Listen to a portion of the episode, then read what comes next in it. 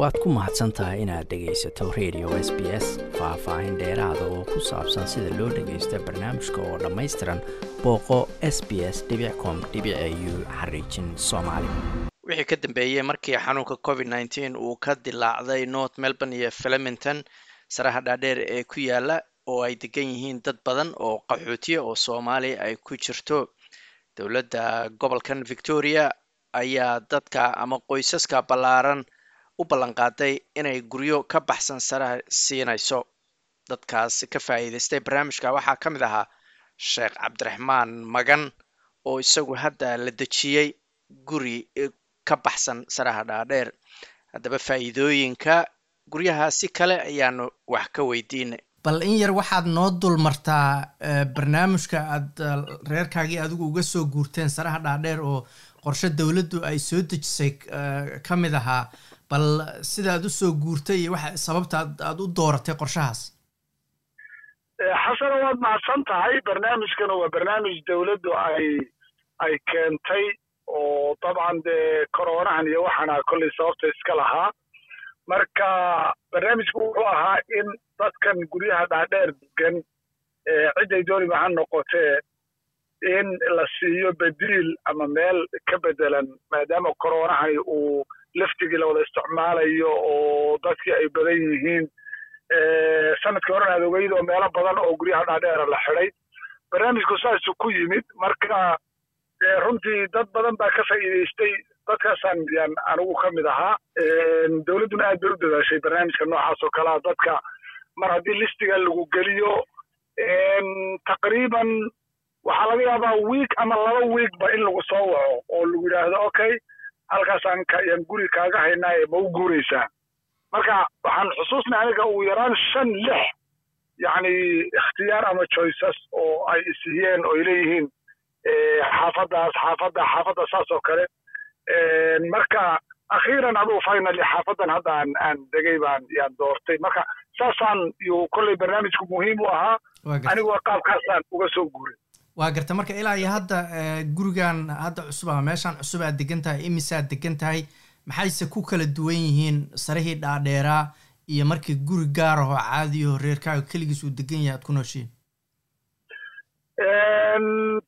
Taqriiban waxaan soo degay shan iyo labaatankii juun sanadkan twenty twenty one-ka marka adugu saddex bilood iska dhe juun iyo july iyo august iyo septemberood aan ku jiro saddex bilood iyo wax yar baan u deganahay. Runtii farqi weyn baa u dhexeeya. Meesha haddee guryaha dhaadheer laftooda ilaahay baa nagu ammaansanaya oo meesh masaajidka u dhowo communitigii iyo wix oo dhan buu ahaa oo laftiisu faa'iida la'aan ma ahayn. Laakiin coronahanu intuu yimid waxaad moodaa in yar dhibaatadiisu ay yar badan ay badatay. Sababtoo liftigii oo laysla isticmaalayo dadkii oo hal meel isugu imanaya.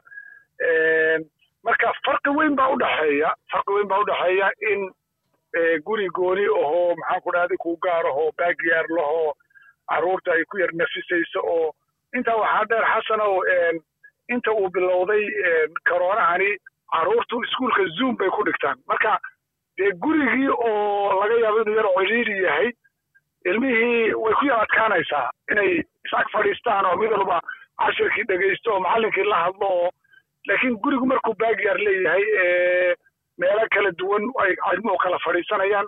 Mid walba laptopkiisu meel la tegaya. Marka farqi weyn baa u dhexeeya runtii markii dhinac kasta laga fiiriyo. Waa gartay. Barnaamijkan markii la soo rogay dad aan la hadalnay waxay lahaayeen sababta ugu ugu weyn oo aysan u doonayn inay guuraan waxaa ka mid ahaa laba sanay dowladdu ballan qaadaysaa. Laba sano kadibna wax dhici doona war looma hayo. Arrintaas maxaad ka aaminsantaha adigu? Laba sano kadib maxaa dhici doona markii qandaraas ku dhammaado agreementiga ku qoran aan saxiixnay waxa wuxuu ahaa labadaas sano horta adigu ted barty baa tahay ruuxankada oo tenantiga ee guriga degan guryahankada dowladdu leedahay. Marka agreementiga ama heshiiska waxaa kala saxeixanaya qoladantada howsinka iyo dadkan guryaha iskale ownerka. Marka adigu waxaa tahay gacan saddexaad baa tahay qoladaasa marka agreementiga waxaa ku qoran markii ninka ownerka uu u baahdo inay ayagu mas'uuliyadda qaadayaan oo ayagu guri ku siinayaan siday sheegeenna meelo badan bay gurya ka dhisayaan. Marka ma jirta waxa la yidhaahdo dibadda lagu tuuriya xoogaa yar khaaquul ama yar propaganda soomaalida loo dhiibay ood moodo in la rabo in guryahan lagu hayo yay u eg tahay. Laakiin agreementga saasaa ku qoran intaan kolley anigu ka fahmay waa gartay midda kale oo dadka qaarkood ay sheegi jireen. Waxaa ka mid ahaa saraha dhaadheer oo flemington iyo north melbourne oo kale oo dadku soomaali badan ay degan tahay.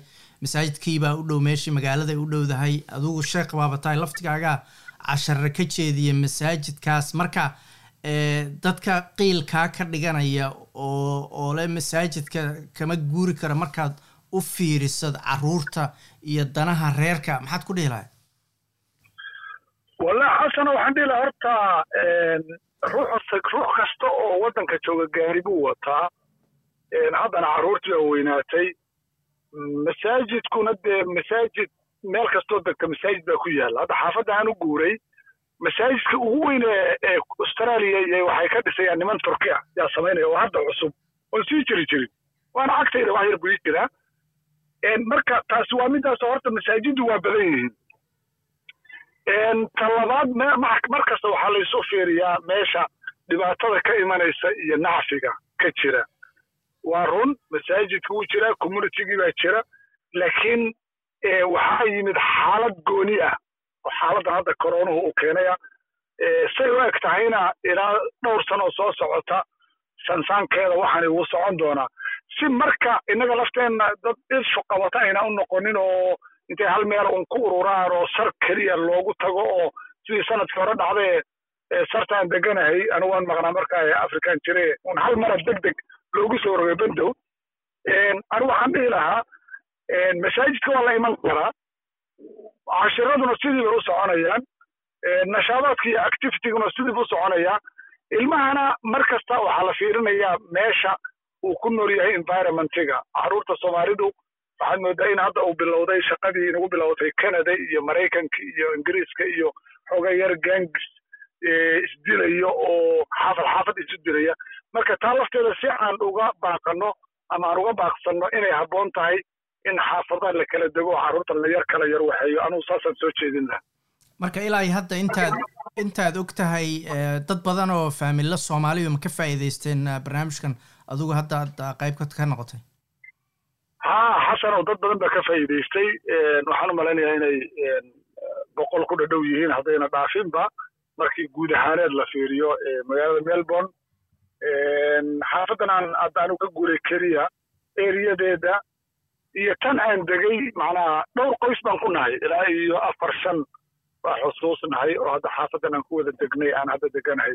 Marka dad badan baa ka faa'idaystay runtii. Wayna habboon tahay in laga faa'iidaysto asagoo ruuxu kolley dee ikhtiyaarka isagu uu leeyahay oo meesha u nacfi badan iyo meesha u wanaagsan iyo isagu kolley go'aanka qaadanayo laakiin dee ruuxba aragti buu leeyahay anu saasaan u arkaa. Waa gartay barnaamijkan. Intaa og tahay marka ma waxaa loogu talagalay oo keliya dadka qoysaska ah oo caruuraha badan le mise cid kastoo qoysa ama hal ilma hal ahaadeen ama lama ama in ka badan way ka faa'iidaysan karaan oo loo ogol yahay inay in guri loo raadiyo hadday iyagu rabaan maya xasanow dad barnaamijkan waxaa loogu talagalay intaan ka ogahay dadka faamiligiisu ama carruurtiisu ay dhan tahay marka laysku daro lix iyo ka badan. Lix iyo ka badan ayaa loogu talagalay. Macnaa faamiliga markii aabba iyo hooyada iyo carruurta laysku daro. Laakiin hadduu ruuxu laba ilmood ama hal ilmo haysto kuma jiro intaan ogahay.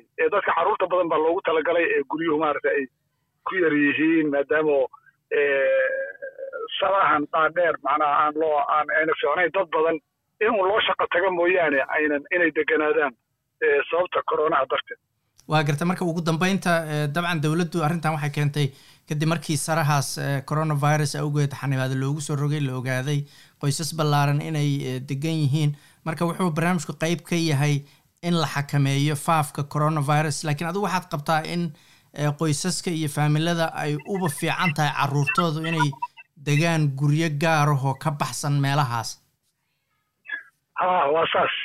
Waa marka la fiiriyo guud ahaaneed faamiliyadeenna iyo carruurtii soo weynaatay iyo marka la fiiriyo gaar ahaaneed duruufahan hadda gaarka ahan marayna ee koronaha iyo waxyaalahan hadda soo kordhay labadaba marka laysku daro waxaad moodaa inay u habboon tahay faamiliyada ama qoysaska in ay degaan guryahaas maxaan ku dhahay aan ahayn guryaha dhaadheer kaasina waxa uu ahaa sheekh cabdiraxmaan magan oo khadka telefoonka iigu warramayey waad ku mahadsantahay inaad dhegaysato raadiyaha s b s toos u dhegaysa barnaamijka habeenada arbacada iyo jimcada tobanka fiidnimo. Ama kaga soo cesho website-ka iyaga iyo s b s radio app. Booqo s b s com au xariijin soomaali